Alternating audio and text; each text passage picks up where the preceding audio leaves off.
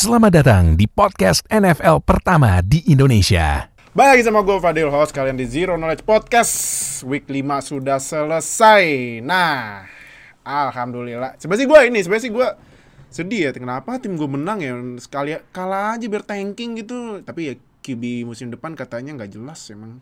Nah Nih uh, Sekarang kita bareng Nuha yang akhirnya muncul setelah Yo. 4 week uh, sibuk ya. back. Nah, Finally I'm back. Nah, nah, ini tim jagoannya menang tapi kan lawannya QB jagoannya cedera alasannya gitu. Apaan No, no. diganti bikin win is still touchdown? win is still win. Menang Iya, bakal W menang. is a W, nggak ada alasan, Betul, ya nggak ada betul, alasan. Nah, jadi eh ini apa? Kita bakal bahas week 5 eh yang kemarin di seles- yang selesainya comeback win ya. Gila Ravens tuh main main eh, match bikin jantungan mulu ya. Yang nggak fans saya juga jantungan nih. Nah, jadi langsung aja nggak pakai lama kita langsung mulai di week 5 review. Tapi jangan eh, sebelum kita mulai seperti biasa jangan lupa subscribe konten kami subscribe biar kita upload dapat notifikasi langsung nonton biar update sama NFL di Indonesia. Dan jangan lupa like comment share video ini. Dan jangan lupa semua follow sosial media kita. Ada di bawah ini ya di eh, deskripsi video ini. Yes. Jadi gua akan membacakan skor-skor di week 5 yang pertama timnya Nuha Rams di Thursday Night Football Thursday berarti Night Jumat Football. pagi football di sini menang 26-17. Yes. Terus eh, Jets lawan Falcons yang kemarin di, main di London ya. Yep, main di Tottenham Hotspur Iya, Stadium. main di lapangan Tottenham Hotspur. Itu game pertama Lon- London Games di musim ini. Menang Falcons 27-20. Terus Eagles menang comeback lawan Panthers. Wah, gila Eagles gokil nih ya. 21-18 padahal Panthers udah mimpin tapi di comeback sama Eagles. Aduh, Panthers berarti dari 3-0 jadi 3-2. Pretender nih udah fix nih. Ah, gimana ya. Terus next Saints lawan WFT menang Saints 33-22. Abis itu eh, Buccaneers ya, Buccaneers ya, lo tau lah ya Brady, udah gitu Brady kan kalau lo ngikutin Patriots kan ya sasaran empuknya Dolphins. Nah, lawannya Dolphins ya udah, kenal lagi deh sasaran empuk. 45-17, buset Brady 4 ta- eh, 5 touchdown loh ya Allah. Terus eh Steelers menang lawan Broncos 27-19 ngapain menang sih? Padahal tuh terakhir sebenarnya Broncos udah mau ngejar tapi ya di apa lemparan Bridgewater di intercept sama Steelers. Seharusnya nggak usah menang biar tanking. Next, Vikings lawan Lions yang menang Vikings 19-17. Ini Vikings akhirnya kutukan tenda kutuk sorry, kutukan kickernya hilang akhirnya ya menang di detik detik-detik terakhir. Eh, field goal dan pas press conference-nya ini uh, pelatihnya Lions tangis loh dia karena kalah. Wah, iyalah, kalahnya dua kali loh karena field goal yang dulu kan pertamanya Ravens yang ini kan yang uh, Justin Tucker mecahin rekor ya Iya. kan. Duh, sedih banget emang. Next ini Titans lawan Jaguars.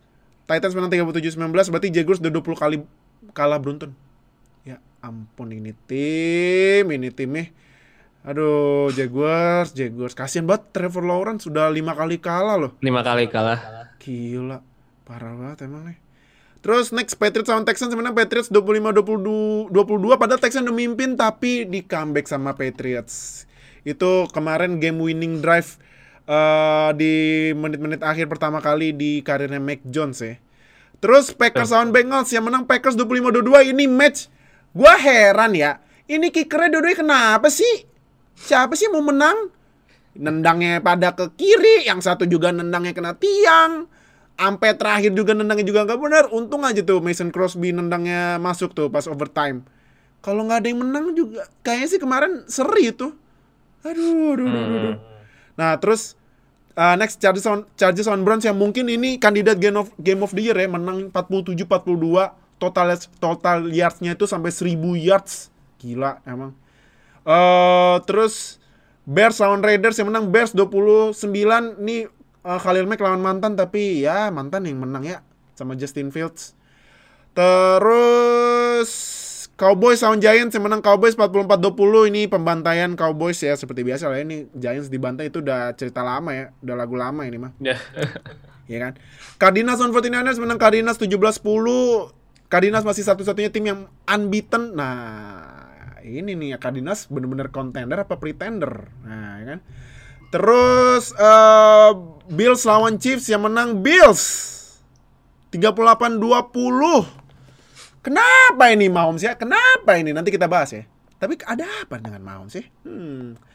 Dan terakhir yang kemarin eh selesai ya, Ravens lawan Colts yang menang Ravens 31-25 gila lemar ya. Lemar ini loh dikatain running back apa dia kemarin passingnya 442 passing yards 4 touchdown nah nah, nah kan? Nah jadi yaudah kalau gitu kita bahas pertandingan yang ditayangin di Mola TV yang pertama pasti tim jagoan lu no 26-17 menang. Ya. gimana komentar lu? Eh, kalau menurut gue sih Rams sama Seahawks ini seharusnya ini tuh matchnya yang bisa dibilang ya hampir setara lah. I mean dua-duanya antara Rams dan Seahawks tuh ya mereka nunjukin how good their offense gitu. Ada ada beberapa play pun yang juga Russell Wilson pun juga nunjukin playnya dia bagus walaupun di di apa walaupun Russell Wilson juga terpaksa harus cedera ya. Dengan Ya, dengan cedera. jari iya sayang banget. Cedera jari ya itu thanks to Aaron Donald ya. Ak- akhirnya salah satu saingan NFC West berkurang satu nih. Jadi, sudah menurut gue out of contention for now gitu ya thanks to Aaron Donald. Cuman dengan Gino Smith itu menurut gue kayaknya sih untuk untuk sebagai backup quarterbacknya si Russell Wilson Gino Smith was okay. Dan menurut gue nanti ke depannya sih Gino Smith kayak gak bakal maksudnya he's he's gonna be fine with the- he's gonna be fine gitu. Soalnya kemarin ketika sebelum sebelum Gino Smith itu ngelempar bolanya kena intercept itu tuh bagus mainnya. Bener-bener bagus. Iya bagus banget Bikin touchdown lagi. bahkan bikin touchdown bahkan bikin touch- Iya. bikin touchdown yang di mana dari William itu kayak entah karena mismatch atau mungkin nggak karena bola mungkin nggak nyampe nggak nyampe bola kan yang nangkap kan Dickie Metcalf tuh Iya. Itu bagus banget men dan gue tuh gue sempet khawatir ya anjing ini kalau emang Gino Smith emang ternyata sebagus ini wah bisa kesusul nih skornya nih. Wah bahaya juga. Nah untungnya Iya kena kan? intercept. Jadi gue gue gak jadi jantungan tuh waktu itu. Gak jadi jantungan kalau misalnya aduh aman nih ternyata tetap masih bisa win gitu cuman kalau dari Ramsnya sendiri kemarin tuh nggak bisa dibilang nggak playnya Matthew Stafford tuh nggak sebagus biasanya karena mungkin salah satunya karena faktor dia sempat kena injury juga thumb injury ya finger injury lah itu kan oh finger injury ya Iya finger injury juga. Itu di itu, itu di play waktu ketika game itu kena injury juga gitu. Makanya hmm. dia ngelempar bola ke Quandre Dix. Itu tuh sebenarnya menurut gue itu ad- ada dua ada menurut gue ada dua alasan terutama karena dia injury cedera tangannya cedera apa jarinya cedera atau yang kedua dia salah salah read salah read defense. Itu kan bola yang mau dilempar sama Stafford niatnya kan itu mau ngebuang bola. Bukan mau bukan bu- bukan mau ini bukan mau ngelempar bola tapi dia mau ngebuang bola biar incomplete aja gitu. Tapi ternyata yang nggak disadari sama Stafford itu Quandre Dix ngebaca bola itu dan dia tangkap di end zone. Jadi kan jatuhnya kan ya intercept. Iya itu interceptnya gue juga bingung kok. Oh, kayaknya sih ini ya, kayak ada ini apa miskomunikasi ya iya itu menurut kelihatan ada miskom sih menurut gue ya Iya. Dan FYI itu ternyata Quandre Dix sama Matthew Stafford dulu satu teammate loh di Lions. Nah. Berarti ya lo ma- apa kayaknya Quandre Dix apa ny- nyimpen struknya nih apa atau enggak dia taruhan wah gue mau ngambil bolanya Matthew Stafford kapan-kapan dah gitu kan biasanya cuma latihan doang kan nah nih gue maunya pas match eh beneran dia ambil pas match kan nah terus eh kalau ini menurut tuh kemarin Robert Woods gimana tuh komen eh, performance kan dia kemarin mainnya bagus banget ya Robert Iya, Woods dibanding Cooper Cup kan? Nah gimana Robert Woods? Ini menurut gue kayak koneksi kalau di dulu di Lions kan Stafford itu sama Kenny Golladay ya sama Kenny Golladay dan menurut gue Stafford lagi ngebangun chemistry lagi nih. Ya biasanya kan sama Cooper Cup nih dan Cooper sama Cooper Cup chemistry udah kebangun dan in my opinion di game kali ini tuh Stafford lagi ngecoba ngebangun koneksi antara dia sama Robert Woods. Robert Woods. Setelah beberapa game mungkin ya apa namanya catch ballnya tuh statistiknya nggak seberapa. Cuman di game kali ini benar-benar dimaksimalin si Robert Woods benar-benar dimaksimalin se sebanyak banget lah. Itu kelihatan banget dari angkanya dia. Di ya secara statistik benar-benar gede banget. 14 kali di target dan ya empat empat periaknya tuh 4,3 dan Cooper Cup sama Robert Woods ini kan dua-duanya bagus untuk urusan receiving after catch. Jadi makanya Ah, iya, ketika- iya, iya, iya, iya, untuk iya. urusan receiving after, after catch kan. Jadi ketika Stafford lagi main bola pendek, nah Cup sama Woods tuh bisa dipakai buat nambahin ya dengan lari. Dan kemarin benar-benar dipakai si Woods tuh benar-benar dipakai. Jadi ya gua rasa sih offense-nya Rams benar-benar jangan oke lah kemarin mungkin empat minggu belakang atau tiga minggu terakhir kelihatannya kayak Cooper Cup yang benar-benar di establish gitu benar-benar cuman don't slip to Robert Woods sih menurut gue ya jangan don't slip to Robert Woods karena lihat aja kemarin bener kalau misalnya Robert Woods sudah dipakai ya off, apa defense Seahawks berantakan gitu Hmm, oke oke oke. Eh dari defense Rams menurut lu gimana? menurut gue sih A- defense ada yang salah nggak mungkin kemarin? Atau ya Aaron Donald kan sempat di post kan fotonya dijagain sampai dua orang gitu seperti ya, biasa ya, kan. Di double team. Nah, Menurut gue kalau- sih kalau secara defense uh, there's not talking about ya karena menurut gue udah cukup ya mereka perform as as where they should be lah. Ya Aaron Donald dengan continue with his dominating ya. Gue udah tau lah gimana kalau Aaron Donald udah mendominasi sampai 3 4 orang pun ngejaga dia. Bahkan sampai ada foto yang dia kayak mau apa namanya? Mau di kayak apa namanya di smack sama dua ini. iya ya NFL gitu ya makanya buset dah. Saking susah jagain badak. Tapi event sampai dijagain segitunya, Russell Wilson cedera tangan tuh gara-gara Aaron Donald. Nah, itu kan emang Aaron Donald ke dulu juga bikin cedera tangan apa jempolnya ini kan. Drew si siapa namanya? Si Drew Brees, Iya. ya kan? Ya berarti ya some, somehow Aaron Donald still can figure how to pass out the the Seahawks offensive line dan secondary oke lah mungkin Ramsey sempat sekali gitu kena burnout dan kena Oh, iya, kena iya. Metcalf. cuma sekali itu cuma tapi cuma sekali doang Iya. sisanya ya dia tetap masih bisa ngeguard Tyler Lockett bahkan Bikin intercept kan dia yang, nangkis bola. Hah? Bikin intercept kan si Ramsey yang, yang pas nangkis bola. Iya, uh, benar. Iya kan? Bahkan force m- si Ramsey itu force to, in- to incomplete gitu. Dan itu nggak cuma hanya ke satu pemain aja. Tyrell Lockett sama DK Metcalf dua-duanya dijaga sama Jalen Ramsey. Walaupun ya mungkin ada satu kali ya yang dia sempat kena itu. Cuma itu cuma sekali doang. Ah.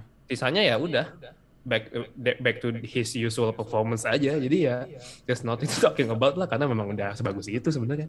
Ah, oke oke oke. Kalau ini kalau di Seahawks sendiri lu kemarin lihatnya gimana? Pas eh pas yang Russell Wilson ya kalau Gino Smith kan ya walaupun di, eh kan dia sempat bagus tapi sayangnya dia lempar in ya, sayang banget. Hmm. Pas ini pas yang Russell Wilson menurut lu eh dengan kan tadi kan lu bilang Gino Smith bakal eh, fine-fine aja ya ditinggalin Russell Wilson karena cedera jari. Nah, cuman kalau kemarin lu lihat eh, permainannya Russell Wilson gimana? Eh, nah ya Russell Wilson tambah satu lagi. Nanti gue tanya defense ya, Russell Wilson dulu. Russell Wilson. Kalau menurut gua Wilson kemarin agak ini ya, menurut gua agak wobbly ya. Menurut wobbly di Aha. sini tuh pressure yang didapat mungkin karena memang mungkin karena lawannya Rams juga kalinya. Jadi pressure yang dia dapetin untuk di dalam pocket tuh nggak cukup banyak jadi dia cukup sering untuk lari-lari keluar pocket gitu. Dan Aha. walaupun mungkin ada beberapa part yang di mana si Hawks OL-nya bisa ada bisa muncul gitu. Cuman balik lagi lawannya tuh Rams yang front seven-nya tuh ya bagus walaupun dari Rams-nya sendiri itu outside linebacker eh enggak ding sorry inside linebacker yang mungkin nggak terlalu banyak perform ya. Inside linebacker mungkin running defense-nya mungkin agak kebuka gitu. Cuman untuk front seven untuk passing untuk passing defense benar-benar kelihatan banget Leonard Floyd. Leonard Floyd terus juga ya Aaron Donald juga. Ya mungkin karena faktor pressure dari itu, balik lagi faktor pressure dari defense, jadi makanya Russell Wilson kayak ku- kurang nyaman untuk bermain betah di dalam pocket, jadi terpaksa harus keluar, harus tetap. Dan apalagi juga setelah Aaron Donald ya dalam tanda kutip ya melukai Russell Wilson Iya. makin gak makin makin aneh main, main- mainnya makin aneh lemparannya makin gak jelas terus ya sering sering incomplete juga jadi makanya Smith langsung dimasukin Ah, oke. Nah, defense nih kemarin. Mm, mm. Bang Jamal, gimana Bang Jamal? Aduh, gua lihat di ko di komen sama di sosmed. Alah, nekel apa apa nekel aja kagak bisa. Apa eh bukan nekel sih, dia jaga pas aja kagak bisa.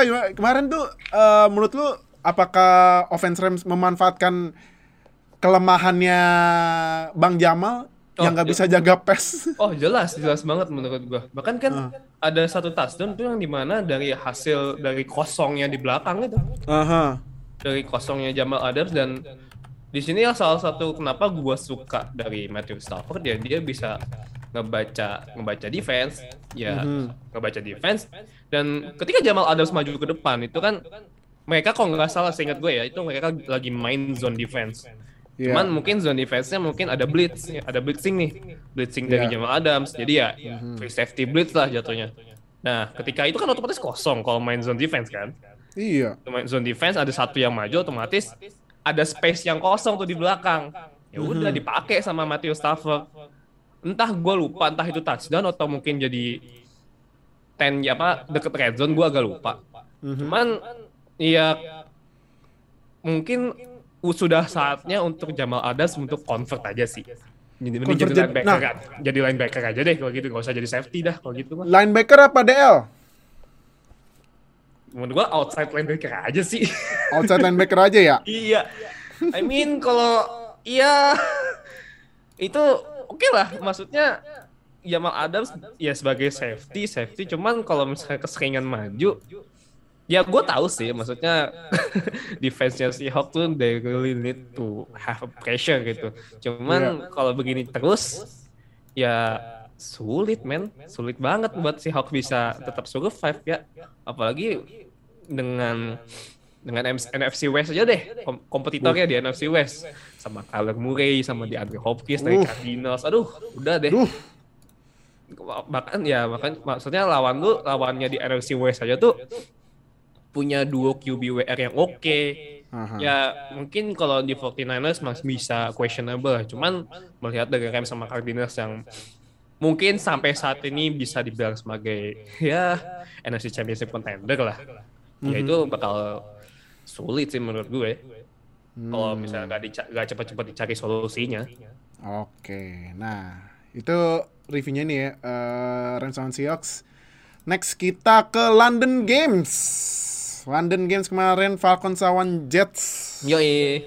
Menurut eh, enak ya nonton NFL di sini jam segitu ya enak banget ya kayak nonton olahraga sebelah gitu ya. Gak Udah- jamnya tuh bukan jam gondorwo gitu enak ya. Nonton NFL di jam setengah sembilan malam tuh aneh sih menurut gue. Iya, iya, menurut gue juga aneh. Cuman, cuman, cuman, ya buat kesejahteraan kualitas tidur tuh enak. jelas kalau itu jelas jelas. Iya. Nah, Bahkan Eh, gini, bahkan gue saking semangatnya buat nonton London Games ya walaupun ah gue tahu nih kayaknya matchnya bakalan Bakalan- ya bakalan kayak gini lah Jets Iya. sama Falcons gitu.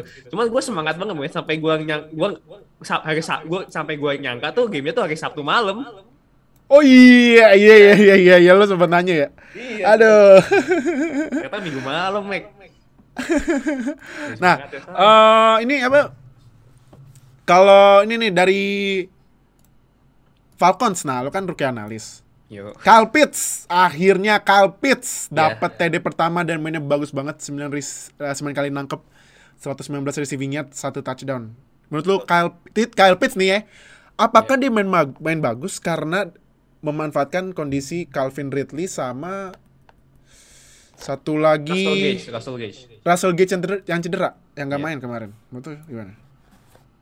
Menurut gue iya, salah satu faktornya itu dan, dan mungkin juga karena ya ini lawannya Jets aja sih. Oh, I mean, gue tidak bukannya tidak ingin ya ya untuk underwhelmingin Jets gitu, cuman cornernya Jets ya kayak nggak punya solusi untuk ngadepin Jets gitu. Bahkan touchdownnya Pitts itu itu kan hasil dari mismatch juga. Maksudnya iya. bahkan yang ngejagain Kyle Pitts itu bukan cornerback seingat gue. Itu kalau nggak salah Franklin Myers yang di, diturunin ke belakang, seingat gue ya gue agak lupa sih. Mhm. Yang bahkan ada artikelnya tuh yang ngejaga dia tuh sebenarnya tingginya 6,4 dan Calpers tuh tingginya 6,6 as a tight end buat itu ya Iya. it's really a mismatch gitu loh. Jadi ya ya Calpers bener-bener kemarin tuh oh kan catch-nya juga ada yang one handed catch juga kan. Wah gila sih gokil itu one handednya coy. Gokil. Iya. Itu emang menurut gue sih kalau misalnya Kyle Pitts makin ke sini makin bagus gitu dan untungnya bikin touchdown pertama ya congratulations for him. Iya. Ya itu bakal bisa eh, prototype dia tuh udah bakal menjadi Megatron in modern era sih menurut gue. Uh, Megatron modern era. Secara secara secara fisik, secara badan tuh udah Megatron banget gitu tingginya segede ti- tingginya segede itu dan posisinya sebagai tight end mungkin kalau di tight end blockingnya nggak bakal terlalu sering dipakai. Dan memang seharusnya seperti itu karena memang Kyle Pitts di draft setinggi itu kan tujuannya bukan buat blocking gitu. Ya buat nangkap bola dan ya Iyalah. dan actually it paid off kemarin. Ya bagus lah buat Atlanta jadi mereka nggak perlu khawatir kalau misalnya Ridley ya. Calvin Ridley nggak main gitu kalau misalnya dia cedera atau mungkin something kayak dia nggak ke London kemarin kayak personal reason yang kita nggak tahu apa. Iya, main personal reason. Alpit bisa dimanfaatkan untuk itu. Dan Hmm. bisa menjadi mismatch yang ngejaga Calvin yang setinggi itu ya bakalan susah sih. Iyalah, gila. Carpet juga sebenarnya tuh dia tight ya ini bener yang sempat dibilang kan dia tuh tight end tapi QB eh QB WR banget. Betul WR banget. Nah. Eh terus yang Falcons sih ya. Menurut ini Cordarrelle Patterson kan dia sebenarnya kan dulunya tuh dia posisinya running back ya. Ya sekarang dia pindah jadi eh dulu kan dia wide receiver maaf, wide receiver. maaf. wide receiver. Sekarang dia jadi running back. Menurut lu ini eh ini juga Cordell Patterson juga larinya rushingnya 14 kali. Mike Davis yang asli running backnya 4 eh, 13 kali. Ditambah Cordell Patterson juga nangkep 7 kali dan eh, nangkep eh, receiving yards-nya 60 yards nah menurut ini Cordell Patterson dengan convert dari wide receiver jadi running back ini bakalan menambah ged- daya gedor is, daya gedor ini apa eh, nambah ningkatin kualitas running playnya Falcons gak? kalau nambah sih mungkin iya cuman Heeh. harus harusnya kan the primary running back kan Mike Davis. Cuman I don't know how Mike Davis is still still unknown aja gitu. Padahal hal- itu padahal ini udah his place to be the primary running back. Cuman Iya. kenapa masih jadi beta aja gitu loh? Masih tetap jadi beta male aja tetap menjadi running back dua aja. Kayak men ini tuh kalau Darrell Patterson gitu loh yang sepanjang karirnya sepanjang hidupnya di NFL tuh kerjaannya cuma sebagai punt returner atau kick returner doang gitu Bener. Bener bener bener. cuman kenapa dia tiba-tiba jadi main berarti itu betapa bapuknya Mike Davis sih Maksudnya lu di Panthers juga udah walaupun jadi RB2 main bagus gitu. Ya oke lah, lu punya status RB2. Tapi ketika lu udah dijadiin RB1 kok malah malah jelek bukan ya bukan jelek sih menurut gua ya. Ya menurut gua underwhelming aja as the status is being a running back number one gitu. Malah malah yang di sini malah yang bagus malah kalau Darrell Patterson dan karena dia udah pengalaman hidupnya menjadi pan sama kick returner yang bahkan masuk ke NFL All Decade gitu All Decade Iya. sebagai panten kick returner Iya. itu menjadi dua dua ability dia yang mungkin Mike Davis nggak punya gitu dia bisa nangkep tapi juga bisa carry the ball. Dan itu kelihatan banget sih kemarin. Maksudnya di lawan Jets kemarin ya itu benar-benar ditunjukin. Patterson can do can do both gitu. Bisa ngejain dua-duanya. Nangkep bisa sama bawa bola pun juga bisa. Walaupun uj- ya walaupun juga Mike Davis juga ada lah split carry. Cuman ya balik lagi kalau ada Patterson gue juga heran kok ini tiba-tiba kok jadi sering main gitu. Gue juga bingung. Cuman ya Iya. Ya mungkin memang yang reliable pada saat itu ya memang memang Cordell Patterson sih itu Hmm, oke oke. Nah, eh sekarang kita ke Jets. Nah, Zach Wilson gimana tuh kemarin menurut lu? Rookie analis lagi kan, nah gimana tuh? Zach Wilson, aduh. gue tuh bilang di awal maksudnya gue gue dulu bilang di top 5 rookie apa top 5 college cornerback gue dulu Zach Wilson gue taruh nomor 4 karena menurut gue overrated. Menurut gue ya? menurut gue overrated. Dan di matchnya kemarin di Seattle Falcon tuh semakin melegitimasi bahwa kalau misalnya menurut gue Zach Wilson tuh overrated itu benar adanya. Karena nggak lemparannya sama sekali nggak konsisten kan lemparannya tuh lemparan bola nggak konsisten nggak benar-benar nggak akurat. Benar-benar nggak akurat lah. Kayak nggak bisa ngebaca receivernya itu di mana. Kayak asal lempar aja lah yang penting gue lempar yang penting daripada yang penting lempar lah bodo amat yang penting gue lempar bola. Itu ya ya nggak I don't know uh, Jets, Jets are being just being Jets gitu.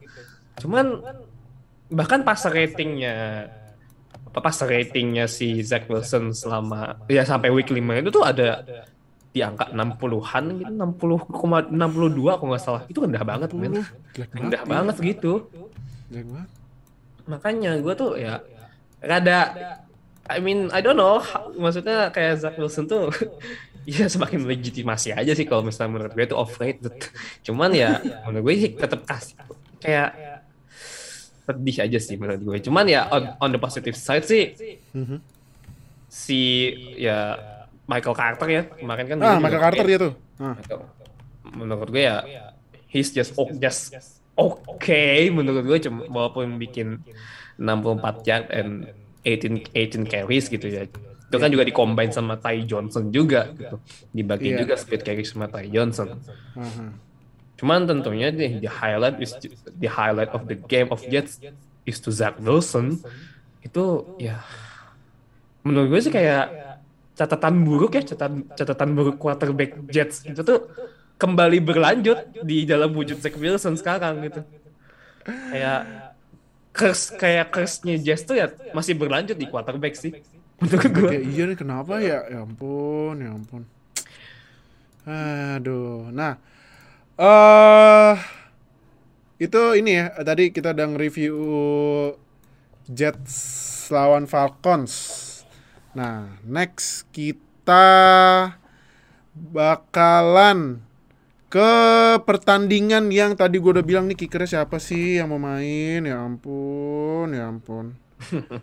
Aduh. Nah ini Packers lawan eh, Bengals. Nah sebelum kita nyampe ke kicker menurut tuh Packers kemarin nih Davante Adams 206 receiving yard tuh. Ya Nah, eh menurut lu apakah dia da, ya eh, mungkin kan DeAndre Hopkins agak naik turun ya sekarang ya. Nah, tapi eh menurut lu ini Davante Adams dengan 206 receiving yards-nya apakah dia sekarang udah kayak sendirian di di top nih di di di elite tier wide receiver nggak? definitely kalau menurut gue Pastinya ya. Kenapa tuh? Ya udah jelas lah dia di NFL top 100 dia number one wide receiver dan menurut ya nggak tahu ya mungkin dua tahun belakangan yang diplot sebagai number one receive, wide receiver di NFL top 100 tuh ada aja dropnya gitu kayak tahun 2019 gitu Antonio Brown yang ya tahu sendiri lah gimana gitu kan nggak jelas nasibnya Iya. di 2019 terus juga di 2020 Michael Thomas jadi nomor satu. Begitu kan cedera habis itu ketika main drama gitu kan. Aha. dan ya ini ya anomali aja sih menurut gue Davante Adams dan kayak- kayaknya memang apa kebijakannya Gutenkast untuk nggak drafting wide receiver kayaknya masih bakal terus berlanjut sih kayaknya kayaknya ya. Karena Davante Adams masih bagus ini sih. Karena ya Iya. ya. bikin 206 yard gitu kan ya apa namanya ya match day apa week one nya Packers yang dia kalah sama Saints tuh ya udah bisa dilupain menurut gue ya. Udah bisa oh ya oh ya udah gitu kalah kalah sekali doang dan se- a- Deva- Davante Adams sih bisa bikin 206 yard dia ditarget 11 kali dan ya menurut gue ya udah kategori elit lah dan menurut gue nggak perlu dikhawatirin lagi sih menurut gue Davante Adams. Hmm, ya. Nah, eh terus Jamar Chase, Jamar Chase, Gila ya Jamar Chase sih. Kata yang awal musim bilang bolanya kegedean. gitu. Ternyata kemarin dia 159 receivingnya satu touchdown loh. Gue mau nanya ke lo ya. ya. Apakah Bengals ngedra gak ngedraft Sewell tapi ngedraft Chase sekarang jadi keputusan yang tepat? Gimana? Menurut gue untuk sekarang mas apa ada dua pihak ya. Maksudnya ada dua pihak yang Gimana tuh dua pihak? lebih milih Jamar Chase, terus terus ada yang lebih milih Penny Sewell dan untuk hari ini sampai week kelima itu kubunya Jamar Chase untuk sekarang menang. Kubunya Jamar Chase sekarang menang. Ya, untuk sekarang ya. Untuk Oke. sekarang kubunya Jamar Chase menang. Oke. Ya dia kan kemarin bikin ini apa di lima week pertama Mhm. ya Marquez tuh big apa receiving yard tuh top ya dua maksudnya ya kemarin kalau nggak salah sih 261 receiving yard kalau nggak salah Iya. gua agak ya kalau nggak salah kalau salah segitu dan itu bahkan ngelebihin rekornya oh ini most deep receiving yard by a rookie Iya. in first five week Randy Moss ya ini yang megang yang pertama ya. ya Aha. bahkan itu ngalahin former Bengals juga AJ Green AJ Green nah. dengan total 261 receiving yard gitu. Jadi dan menurut gue kan mereka kenapa milih Jamar Chase daripada Penetrable mereka soalnya drafting OL mereka di later round dan signing dari free agency menurut gue itu kelihatan bagus. Maksudnya itu tuh kayak hasilnya tuh ada gitu. Jadi kalau misalnya nonton gamenya Bengals beberapa week belakangan Mhm. itu tuh Joe Burrow itu nyaman banget ngelempar bola daripada musim lalu. Ah, Enak banget, maksudnya Joe Joe Burrow tuh nyaman banget di pocket dan ketika Joe Burrow tuh lu kasih waktu Joe Burrow buat ngelempar Mhm. and the magic is happen menurut gue. oke. Karena kalau lu ngebiarin Joe Burrow itu diem dalam pocket gitu buat ngebaca ngebaca ngebaca defense lawan dan ngelempar bola dan targetnya nyampe Ya. dan itu ya udah the game menurut gue masalah kelar walaupun mungkin Bengals kemarin ya mungkin lagi unluck aja sih Hmm. menurut gue ya Oke. lagi kalah aja karena memang ya lawan lu Ya, Aaron nanti kita bahas ya. Ini yang kalahnya kal- ini nanti kita bahas ya. ya karena lawannya Aaron Rodgers aja gitu yang Nah, dalam tanda kutip lebih jago lah memang lebih jago Aaron Rodgers daripada Joe Burrow cuman iya. Burrow is on the way to being that level kalau menurut gue. Oke. Karena OL mereka ya low key itu improve loh tanpa mereka drafting penalty. Nah, itu yang gue mau tanya. Menurut lu sekarang OL Bengals jauh lebih meningkat gak dibanding kemarin-kemarin? In pass protection iya. Pass protection iya. Iya. Oke. Kalau Soalnya kemarin di running game mereka itu kada kada bermasalah. Kada kada nggak jalan running game mereka kemarin. Mhm. Nah, eh iya running game ya cuman kayak karena Mixon cedera ya kan, kan Iya. mainnya limited tapi tapi kan kemarin Mixon juga bikin touchdown ya. Mm, mm. Nah, eh sekarang kita main ke eh, langsung ke main event ya. Kicking. Kenapa sih? Nih kalau gue baca statsnya ya, ya Allah ini kick. Kenapa sih week 5 kickernya? Ini kalau gua ini ya cari faktanya ya dari eh, sumber salah satu sumber terpercaya di ini sumber ter- salah satu di sumber terpercayanya NFL ya. Er, Ari Meirov lo harus follow Ari Meirov. Nah, nah akunnya at my sports update ya. Ini kata Ari Meirov, week 5 musim ini ada 16 miss field goal sama 13 miss extra point. Ya ampun, ya ampun. Huh. Nah, ini kalau gua cek ya kemarin itu statsnya Mason Crosby, kickernya Packers, Iya. eh extra point dua kali yang masuk cuma satu, field goal Ya. tujuh kali yang masuk cuma empat. Eh nggak cuma sih ya, ya tapi kan tiganya krusial masalahnya di akhir-akhir ya kan. Betul, betul. Terus kickernya Bengals rookie Evan McPherson, extra point semuanya masuk. Field goalnya dua kali, gak ada yang masuk. Ya ampun, ini ini eh menurut lu kicker sekarang nih ah, gimana ya kayak harus harus ini gak sih harus ada latihan mental gak sih menurut lu? Kacau banget. Masa itu masa itu tendangannya mencong-mencong semua, misang semua, flashing semua tendangannya. Menurut lu, Ya, aduh, ya, ya. kenapa ya kicker sekarang ya?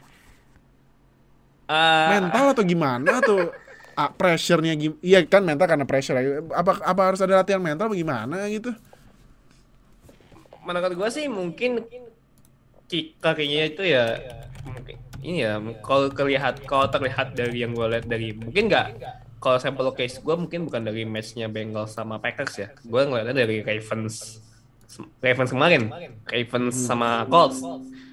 Gue ngelihat ya mungkin ini ya agak ya mungkin gue bahas dikit lah dari sekarang. Kalau dari gue paling konsep itu tuh pas ketika tenda field goal udah di di block sama Calais Campbell itu ketika kick ketika dia dapat chance kedua sebelum sebelum OT itu tuh kelihatan banget dia tuh kayak kayak ada gugup gitu maksudnya raut muka itu ada gugup karena kan kicknya udah diblok tuh sebelumnya sama Calais Campbell dan Campbell ya. akhirnya ketika si Brankas nendang itu kan terlalu nyerong ke terlalu nyerong ke samping jadinya itu no goal dan Aha. padahal itu di momen penting yang di mana kalau misalnya itu nendang coach bisa menang nah, Iya, makanya. ya. Nah, eh tapi kalau dari ini kalau menurut tuh ya, kalau dari eh, match kemarin itu apakah tim-tim harus lebih keras lagi ke para special team yang kalau salah dikit dah tendang aja lah gitu dah. Bagaimana? Apa kasih mereka kesempatan lagi? I mean kalau misalnya with that with all that mistakes kalau misalnya langsung di cut itu menurut gue agak agak kejam juga ya Wal- ya kejam itu ya, is still player gitu. They will make they will make mistakes gitu. Apalagi kalau kayak di momen di key moment gitu. Ya contohnya kayak di Mason Crosby atau di Evan McPherson they will be they will be make mistakes. Cuman ya they gonna learn from some they gonna learn from that gitu. Pasti pasti mereka juga akan belajar. Maksudnya bakal belajar dari dari mistakes mistakes dan kalau misalnya di calls pun juga kalau dari gue bilang itu juga akan belajar untuk overcome the issue menurut gue jadi mereka sih kicker akan fine fine aja sih menurut gue cuman kan memang bad habitnya tim NFL tuh kalau misalnya kicker ya bikin apa bikin mistake yang terlalu banyak in one game itu biasanya mereka bakal langsung nge-cut biasanya sih langsung rilis bad habit Iya. mereka seperti bad habitnya sih seperti itu ya ya gue harap sih ini nggak berlanjut lah di tahun ini gitu Hmm, oke. Nah, eh, itu eh, Packers lawan Bengals lu harus nonton tuh miss field goalnya banyak banget tuh highlightsnya itu. Wah, lu kalau nonton geleng-geleng gue aja udah ya nih kicker ya ampun ya ampun. Nah, bahkan di TNF pun Matt Gay pun juga sempat miss kan sempat miss iya juga Matt gitu. Gay ya. Iya iya iya bener bener bener. Yang gue juga inget pas di London Games itu kickernya Jets langsung kena tiang. Tenangnya pelan Iya. kena tiang. Ya doing doing iya doing Iya makanya, aduh. Nah, next kita ke game yang ditayangin mulai lagi nih Buccaneers lawan Dolphins ya, 5 45 17. Brady apakah dia akan mengejar MVP lagi musim ini? Eh, Aduh, ayolah, gila sih Brady. Lagi-lagi 5 touchdown loh, ya ampun nih orang. Kapan sih pensiunnya? Eh. Huh. 411 ri, eh, passing yards loh ya ampun, ya Eh, kapan mau pensiun lu? Iya, kapan mau pensiun ya? Ya, it- that's the goat for the reason lah. Iya. Maksudnya ya mau ngebahas Brady aja kayak kayak kalau gue sih mungkin nggak akan ngomongin Brady ya karena ya udah jelas Ya apa yang mau diomongin ya karena dia Iya makanya. Cuman Iya. menurut gue koneksi antara Brady dan Antonio Brown ini Nah itu tuh. makin bagus sih menurut gue. Iya, ya. Antonio Brown kan statsnya ini eh Antonio Brown 7 kali nangkap 124 receiving yards, 2 touchdown. Tuh. Dan Tap- season ini season ini tuh kelihatan banget AB itu benar-benar dipakai ya. Nggak kayak Iya. musim lalu yang musim lalu kan soalnya kan AB baru masuk di pertengahan musim gitu. Di week ke-7 baru main. Dan Iya. ini AB tuh main lagi full season sejak tahun sejak 2019 lah. 2019. Itu akhirnya dia main full season lagi dan menurut gua ya AB just being AB aja itu kayak rem- reminiscence how good AB was gitu dan ini ditunjukin lagi sama KD gitu. Ah, oke. Nah, kalau di Dolphins deh, Dolphins kan emang kebantai, tapi ada satu pemainnya bagus loh. Miles Gaskins. Iyo. Nah, Miles Gaskins kemarin eh ya sebenarnya rasanya cuma 25 yards, tapi dia nangkepnya banyak loh. 10 kali nangkep 74 eh, receiving yards 2 touchdown. Nah, selama tua cedera apakah eh apakah Dolphins harus banyakin eh ini banyakin buat lari Menurut gue nggak nggak harus dibanyakin lari ya karena menurut gue Jacoby Brissett ya masih cukup oke lah gitu. Jacoby Brissett walaupun ya dia bikin dua touchdown juga kan. Maksudnya Jacoby Brissett not bad lah. Toh dia juga pernah dijadiin QB1 juga sama Colts gitu di musim 2019. Ya, Walaupun pas mungkin yang nggak ini ya pas yang Andrew Luck cedera yang Iya. bener kagetin banget itu. yang tiba-tiba Andrew Luck pensiun gitu. Dan ya walaupun walaupun gitu sebenarnya Jacoby Brissett ya masih decent to be the quarterback. Mhm. Dan receive- receiving mereka sih mungkin kemarin rada ini ya, rada kelok gitu. Maksudnya rada kunci lah ya.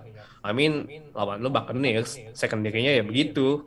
Ya walaupun mungkin nggak, maksudnya mungkin nggak di level benar-benar elite top number one kayak Rams ya. Cuman di bawahnya level elite ya itu Buccaneers di situ untuk masalah corner. Jadi ya kemarin Jalen Medel cuma cuma nangkap dua kali, terus juga Preston Williams juga cuma dapat tiga reception. Ya benar-benar di lockdown lah receivernya receivernya apa Dolphins sama tight endnya benar-benar di lockdown. Mhm. Jadi ya ya jelek maksudnya ya ugly ugly ugly loss aja sih buat Dolphins menurut gue. Oke, nah, eh itu reviewnya ini ya apa? Buccaneers lawan Dolphins. Nah, kita sekarang ke prime time game. Bills lawan Chiefs yang sukses balas dendam AFC Championship dengan skor yang sama ya 38-20. Iya, betul. Wah, gila. Eh no, ada apa dengan Mahomes? Ada apa nih? What happening with Mahomes? Kalau bahasa Jawanya apa dah? Kenapa ini? FYI, dia ini kalau gue infoin, dia ini kan eh, sekarang ada 6 interception. Iya. 2019 dia bikin 5 interception Hmm. semusim. 2020 dia semusim bikin 6 interception. Sekarang 2021 eh udah di week 5. Eh baru week 5 maksudnya, baru week 5. Mahomes udah bikin 6 inter- interception loh. Ada apa dengan Mahomes? Kalau kata Stephen A. Smith kalau gua ini ya, oh, sorry gua potong dikit. Katanya Chiefs udah selesai. Waduh, A- Stephen Stephen A. Smith kan emang ya congornya kan ini banget ya, kurang ajar Ya, don't, ya. don't cast Stephen A. Smith lah. Iya, nah. Tapi kalau dari lo sendiri gimana? Mahomes, apa yang salah ini? Eh, kalau menurut gue sih, kalau menurut gue pribadi gitu, playnya, playbooknya, offense-nya Chief tuh udah bisa udah kebaca kalau menurut gue. Kebaca ya? Udah maksudnya ya itu yang ngebuat Micah Hyde sama Jordan Poyer tuh bagus banget performance-nya kemarin. Mhm. Itu kan bahkan bahkan ya Mahomes itu di match kemarin lawan Eagles itu komplit buat deep ball itu cuma satu kali doang. Oh iya, benar benar benar benar benar. Benar, yang biasanya senjatanya Mahomes tuh kalau udah mentok nggak nggak harus mentok sih. I mean senjatanya Mahomes itu tuh yang biasanya deep ball itu benar-benar nggak nggak keluar sama sekali. Mhm. Dan menurut gue sih ya mungkin karena salah satu faktor playbooknya udah kebaca playbook offense yang kalau nggak kelempar ke Hill ya Kelsey. Udah dua Iya. itu aja paling. Iya benar. Dua itu doang paling yang benar-benar jadiin target. Kalau mau main bola dekat gitu, ya lempar ke Kelsey. Kalau mau mainnya bola jauh, tinggal lempar ke Hill. Udah gitu doang menurut gue playbooknya. Jadi yang harus di yang harus dibenerin sama Andy Reid sama Eric mungkin variasi playbooknya mungkin ya opsinya dibuka lagi sih menurut gue karena kalau misalnya terlalu sering ya Kelsey Hill Kelsey Hill terus ya bakal defense lawan pun juga bakal Bakal tahu baca ya. juga soalnya Chief itu kan jarang nggak terlalu sering buat main running play ya itu kelihatan banget jarang banget Iya Nggak- sih. jarang nggak nggak jarang juga sih Iya. Apalagi nggak- C Iya. juga cedera sih. Iya. Clyde Edwards Helaire pun akhirnya juga terpaksa cedera juga tadi malam apa waktu lawan waktu lawan Bills gitu. Mhm. Dan tak kayak ini jarang banget sih Tarik Hill cuma 14 kali di target itu jarang banget men. Mhm. Ya gimana ya? kayak somehow tuh secondary-nya Bills tuh kayak bisa nge- kayak, kayak bisa nge, nge-counter. Oh gini loh playnya. Playnya playnya apa nah playnya Chief tuh bisa di counter sama mereka. Mhm. bahkan walaupun sebenarnya Travis Kelsey pun ya walaupun sebenarnya nggak jelek-jelek amat lah mainnya kemarin. Dia main slot gitu kan. cuman di, cuman di target 14 per- maksudnya ya di target pun juga rendah banget gitu. Ya, bahkan ini tuh Kelsey di match kali ini tuh di target terendah dari sejak sejak Mahomes jadi quarterback gitu. Oh, karena benar-benar di lockdown semua op- op- opsi apa namanya semua opsi playnya tuh semuanya di lockdown sama defensif ininya Bills. Mhm. ya udah. Mahomes nggak bisa ngapa-ngapain. Hmm, oke. Nah, kalau ini ya sebelum gue pindah ke Bills, defense-nya run defense, aduh, run defense ini black banget ya. Hancur Iya, banget iya. ya. Tapi eh menurut tuh posisi mana yang eh ininya apa yang jeleknya di Chiefs? secondary kalau menurut gua Secondary ya? Hmm. Kenapa secondary? Walaupun ada Jeremy Matt, Jeremy Matthew, Tyrann Matthew, Jeremy Matthew, siapa? ya? Nah, kenapa secondary? menurut, menurut gue kenapa secondary karena the major problem selama sampai week 5 kali ini tuh adalah Daniel Sorensen. Ah, kenapa Darren Sorensen? Sorensen? tuh sampai week kelima tuh ma- mainnya tuh jelek, mainnya tuh nggak nggak sebagus biasanya gitu kayak menjadi ya menjadi salah satu faktor major blowoutnya major blowoutnya Chief tuh kayak ya ada di Daniel Sorensen. Jelek banget kemarin mainnya terus juga kan ya Jarius nih juga mainnya juga lagi nggak oke gitu Iya, kan Jarson kena burn, kena burn mulu. Gue liat. iya lagi nggak oke benar-benar jelek pokoknya the whole secondary itu menurut gue lagi jelek banget ya khususnya Daniel Sorensen gitu kemarin itu kan bahkan di match kemarin ada tiga tiga ada tiga reception ball yang dia itu nggak bisa nggak bisa ngejaga gitu Mhm. makanya dia bahkan makanya dia ngepas 130 yard dan touchdown tuh dari buat Bills gitu. Jadi dia lepas lepas ang- 130 yard yang ya dari satu orang aja tuh ya menurut gue cukup cukup gede sih. Jadi I don't know mungkin, harus resolve the issue di secondary mereka. Itu sih menurut gue ya. Hmm, oke oke. Nah, di Bills, Josh Allen menurut lu apakah dia udah masuk ke eh, balapan ini, balapan eh, MVP. MVP, MVP, I have to say yes. top 3? Tiga besar? Top 3 kalau narasi yang ada sekarang ya Iya. itu antara Brady, Kyler Murray, Aha. dan juga Josh Allen. Mungkin ya Stafford adalah di bawahnya gitu. Stafford juga mas dalam contention juga dalam MVP maupun tergantung dari nanti ke depannya. Cuman Josh Allen itu kemarin asli mainnya gila banget. Nah, Yang biasanya sebenarnya tahun lalu pun juga udah bagus gitu. Udah masuk ya MVP contender lah tahun lalu. Cuman makin tahun ini tuh menurut gue semakin komplit dari run dia run game dia malah jadi bisa bagus gitu. Bahkan mungkin yang kelihatan dari match kemarin tuh kayak run game dia bikin running touchdown terus apa segala macam. Cuman jangan lupa strength dia sebenarnya itu apa ability dia yang paling bagus sebenarnya itu adalah deep deep throw-nya dia. Iya sih lemparnya roket banget ya. Iya. Gila, gila.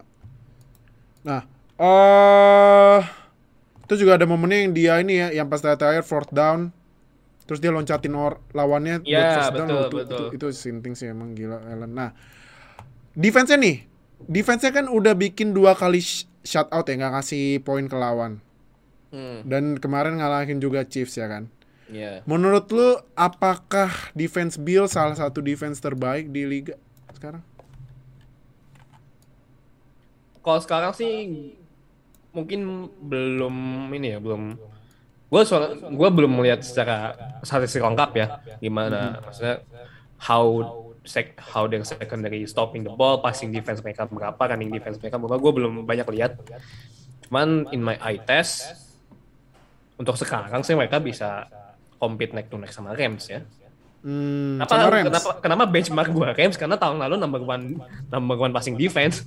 Jadi ya, Ah. Benchmark gue udah cukup gede untuk masalah secondary. Jadi untuk kemarin di match ya untuk match kemarin aja deh. Bills Mhm. itu ya ah, udah hampir setara lah sama performance Rams di musim lalu. Hmm, oke oke oke oke. Nah, eh terakhir, eh menurut lo nih ya terakhir nih ya, apakah sekarang udah ada raja baru di AFC? Maksudnya raja QB? Nah, itu too, too fast loh menurut gue. Tuh fast terlalu cepet ya. Sampai Josh Allen nggak ini nih? Josh Allen? Josh Allen mungkin Di- bakalan di AFC kan yang udah maksudnya udah udah proven lah itu ya Mahomes, Mahomes sih. sama Jackson, sama Iya. Josh Allen. Iya. Menurut gue sih bakal rotate on those three ya kalau menurut gue. Mhm. Dan menurut gue kalau misalnya mau ditunjukin who's the king of quarterback in di AFC harus siapa yang bisa juara di AFC Championship game dulu. Hmm, oke Karena the pressure, the real pressure is coming into the playoff menurut gue.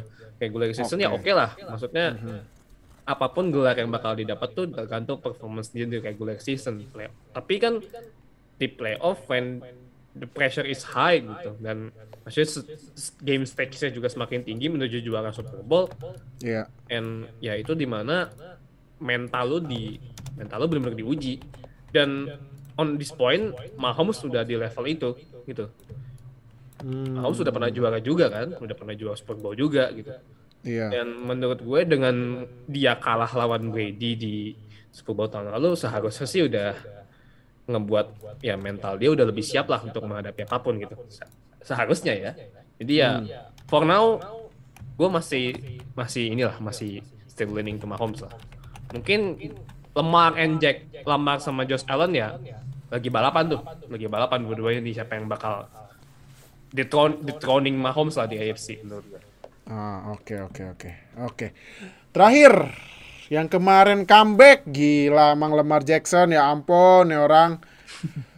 Eh Ravens menang 31-25. Lemar. Menurut lo gimana? Aduh, Lemar. Nah, ntar ya. Hmm. Menurut lo apakah saatnya para haters Lemar stop bilang Lemar itu cuma bisa lari karena kemarin Lemar itu 442 passing yards, 4 touchdown loh. Dan itu adalah karir high-nya dia. Karir high loh nah. Sepanjang karirnya. karirnya iya makanya nah Ya. tapi menurut lu gimana nih That's uh, apa namanya a little achievement that should be proud of gitu. iya Cuman kemarin kan memang ternyata Mahomes, eh Mahomes sorry, Lamar Jackson nggak banyak lari ya ternyata ya. mau eh mau eh, lemar nggak banyak lari dan Iya. rekornya akhirnya stop juga yang strict 100 plus rushing yards Ya, it- ya mungkin karena satu Lamar Jackson bisa tak bisa ngebaca kalau secondary-nya Colts itu tidak se- tidak sebagus itu. Itu kan mungkin ter- itu terlihat banget lah maksudnya banyak bukan banyak sih banyak play-nya dari Lamar Jackson tuh yang benar-benar memanfaatkan kesalahan-kesalahan dari secondary cornerback-nya safety sama safety-nya Colts gitu.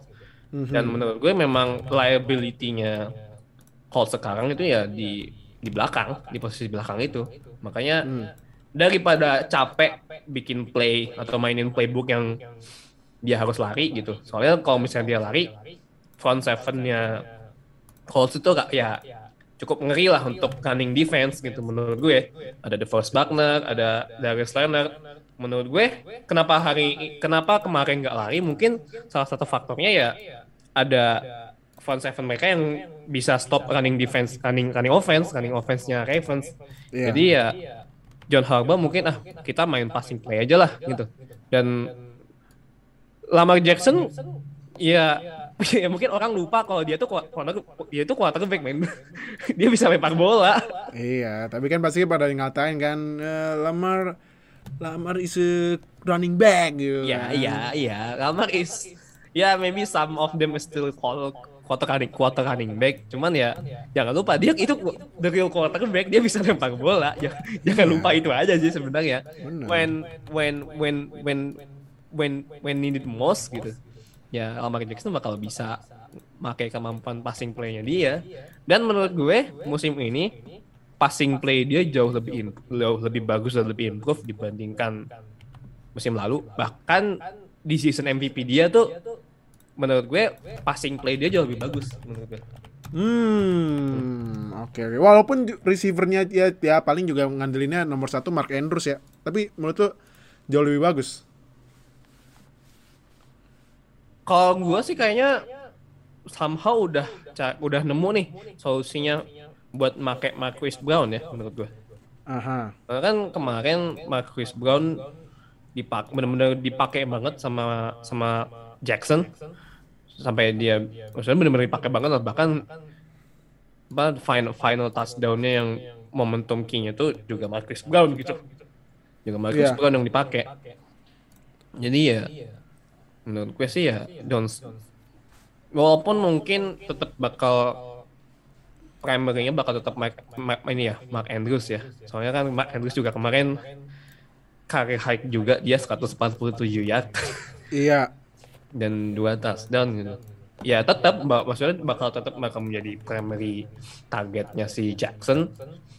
Cuman when it needed most, Marquis Brown bakal tetap bisa dipakai. Itu sih. Hmm. Nah.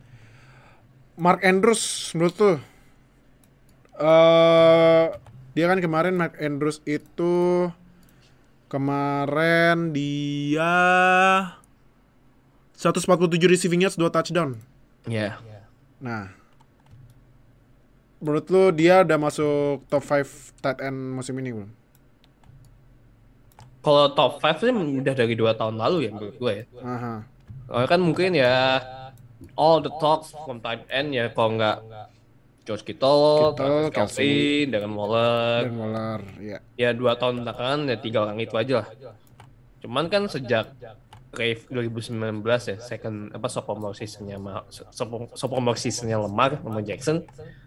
Ya Mark Andrews ya sebenarnya udah ada di top 5 menurut gue jadi ya mungkin dalam tanda kutip ya masih un- dalam tanda kutip Mark Andrews tuh un- underrated. Padahal sebenarnya sih nggak dibilang underrated sih sebenarnya enggak. Bahkan ya dia bisa nyingkirin Hayden Hurst gitu sampai Hayden Hurst sekarang di Falcons ya berarti betapa dipak benar-benar diutilize Mark Andrews sama sama Lamar Jackson dan John Harbaugh menurut gue ya that's telling that how good Mark Andrews Mhm.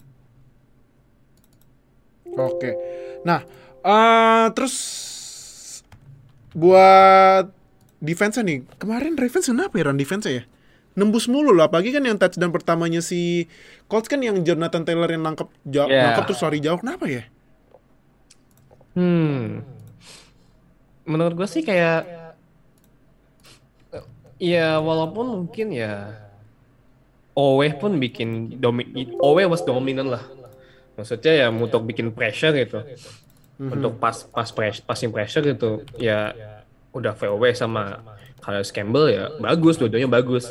Iya. Cuman kayak tapi sebenarnya kalau dinilaikan defense sih nggak jelek-jelek amat ya kemarin. Ravens sebenarnya nggak jelek-jelek amat loh. Kalau mungkin emang gak ada selain Patrick Quinn ya, itu emang sisanya gak ada struggle to perform aja. Makanya mungkin ada yang mungkin Patrick Quinn bagus, cuman teman-temannya kan ya belum tentu bisa nge- sebagus Patrick Quinn gitu. Jadi makanya Jonathan Taylor bisa bikin 76 70 apa 72 ya? 72 7 passing 72 ini kan 72 72 ya touchdown gitu. Menurut Iya, gue ya 72 kalau nggak salah. antara menurut gue ya antara entah itu nama-nama yang dalam tanda kutip nggak sebagus tiga nama yang gue sebut tadi. Jadinya ya ada dragging aja sih menurut gue performance. Jadi memang beberapa per- performance individu tuh bagus, cuman sisanya tuh kayak ya degrading the value of the of their defense menurut gue. Nah, aha. Oke. Dan khususnya juga secondary ya secondary menurut gue secondary-nya Ravens pun juga jelek sih menurut gue kemarin. Nggak bagus-bagus amat. Ah, oke oke oke oke. Iya. Kemarin juga ya apa? Kemarin juga kasih touchdown ke Michael Pittman ya si YouTuber ya. Iya. Nah, terus ini sekarang gua mau ke ini, gua mau ke Colts. Aduh, Colts. Ap, menurut lo apa momentum yang bikin Colts ini jadi blue the lip gitu? Apa karena memang eh Calais Campbell blok ininya, blok field goal atau apa lagi menurut lo? Apa atau, atau ini ya sempat yang cornerbacknya cedera sisa tiga gitu cornerbacknya. Menurut apa? Uh, I mean the most but the one the person to the mana the unit to blame di di Colts itu menurut gue secondary sih. Secondary ya? Iya karena secondary mereka tuh dilihat dari eye test aja tuh jelek men, jelek banget menurut gue. Mhm. Is- Isaiah Rodgers tuh enak banget ditargetin sama sama Lamar Jackson ya. Karena Isaiah Rodgers tuh allowing five reception. Lima Aha. kak. Dia ya gimana ya? Isaiah Rodgers yang allowing five reception touch nggak touchdown ya, five reception aja tuh menurut gua aneh aja karena dan sa- safety mereka pun juga kayak ada dan tiada menurut gua. Makanya touchdownnya siapa ya? Gua agak lupa. Entah itu yang yang ini, yang Marquis Brown atau pokoknya antara pokoknya ada satu touchdown yang itu hasil dari ini, hasil dari secondary ya secondary-nya Colts yang ada dan nggak ada itu. dan nggak cuma ini ya, mungkin kalau second cornerback mungkin ya dan linebacker mereka tuh juga nggak konsisten sih menurut gue ya. Walaupun mungkin Ipa Darius Leonard bikin ya bikin fumble reco- apa fumble recovery lah apa segala Iya. macam yang seharusnya bisa jadi touchdown itu cuman ya I mean beside Darius Leonard itu ya yang kayak gue bilang tadi maksudnya nggak nggak konsisten. Konsisten ya? nggak konsisten. Gamenya Colts itu ya Darius Leonard bagus. DeForest Buckner bagus gitu. QTP ya on that on that pathway gitu. Cuman ya sisanya sisanya ya kayak nggak ada aja menurut gue yang itu kelihatan banget gitu. Nah, gue mau tadi kan lu ngomong dari Sonat, gue mau nanya, itu kan yang pas eh, ini yang lamar fumble, terus diambil Ya. sama Leonard, terus dioper ke temennya. Menurut lu itu lateral apa forward pass? Apakah lurus ke samping atau emang beneran forward pass? menurut gue se- itu lateral ya menurut gue ya Lateral. Iya, menurut gue kenapa sih- nih? menurut gue itu seharusnya lateral karena itu walaupun mungkin eh bukan mungkin sih itu kan posisi siapa cornernya yang nangkep bola dari yang Leonard kan itu ya sebenarnya- nerima bola. Iya itu kan sebenarnya posisinya masih di belakangnya, masih di belakangnya Darius Leonard gitu. Aha. Ketika Darius Leonard passing the ball itu kan sebenarnya kenapa gue gue bilang lateral karena posisinya si Chris yang ng- ngambil bola itu masih di belakangnya masih di belakangnya Darius Leonard. Iya. Jadi ya menurut gue ketika Darius Leonard lari gitu, Darius Leonard lari terus terus belakang wah temennya itu nyusul, ketika dia oper kan berarti jatuhnya lateral lurus, bukan ketika temannya udah di depan baru dioper kalau itu kan itu udah jelas itu mah lemparan ke depan kalau itu jelas udah jelas lah. Cuman kalau itu kan hitungannya lateral. Nah, itu berarti berarti seharusnya eh, berarti itu ini ya keputusan yang sangat kontroversial dari wasit ya. Karena gue juga menurut gue itu lateral. Tapi di ya mungkin harus di di review lah. Iya nih aduh. Makanya nih parah sih kalau misalnya tadi kalau misalnya itu touch apa nggak kena legal forward pass harusnya Colts yang menang ya. Tapi tapi tapi tetap tapi untungnya sih ketika apa namanya ketika playnya diubah tetap menjadi menjadi first down gitu ya. Untungnya mereka di drive itu bikin touchdown anyway Bikin sih. touchdown ya. Iya iya iya. Nah eh itu review kita buat di week 5 ya nah jadi eh kita eh, kita udah masuk ibaratnya nih udah masuk ke eh masih sebenarnya sih masih seperempat musim lah ya Eh, seperempat. Ya tapi sebentar lagi perlahan-lahan kita bakal masuk ke pertengahan musim gila. Cepet banget ya NFL abisnya ya. Ya ampun, ya ampun. tak lagi, tak lagi playoff, terus Ini kan minggu depan kan udah masuk week bye ya. Ah, bye week. Iya, iya, iya. Tuh kan kalau udah masuk bye week tuh udah pertanda sebenarnya tuh NFL sebentar lagi bakalan selesai sih walaupun bye week ya bye week pertama ya. Mm. Nah, jadi tapi ya nggak berasa cepet banget emang kalau nonton NFL. Dan juga emang menurut gua musim ini emang musim ini emang apa musim gila sih itu apa musim ini banyak banget match yang nggak sehat buat jantung ya. Mm. Kemarin kan yang ya kan kemarin eh Browns Chargers tuh olahraga jantung ya kan. Terus Hmm. juga eh ini apa Bra- eh, Packers Bengals juga olahraga jantung. Ravens Colts kemarin olahraga jantung. Jadi emang nonton NFL tuh emang membuat badan sehat sebenarnya. Buat mengetes jantung. jadi gak rugi kan nonton NFL bareng kita. Jadi yang gue udah bilang berkali-kali jangan lupa lagi-lagi subscribe dan klik lonceng sampai subscribe biar kita upload dapat notifikasi senonton biar update sama NFL di Indonesia dan jangan lupa like, comment, share video ini. Terus juga semua link sosial media kita udah kita taruh ya di deskripsi video ini. Jadi jangan lupa langsung uh, follow semuanya. Jadi thank you Nuha udah join. Yo, Thank, thank you you. semuanya udah nonton sama dengerin di Spotify. See you di next week di week 7 review ya. Dadah. Terima kasih telah mendengarkan podcast NFL pertama di Indonesia. Sampai jumpa di podcast edisi selanjutnya.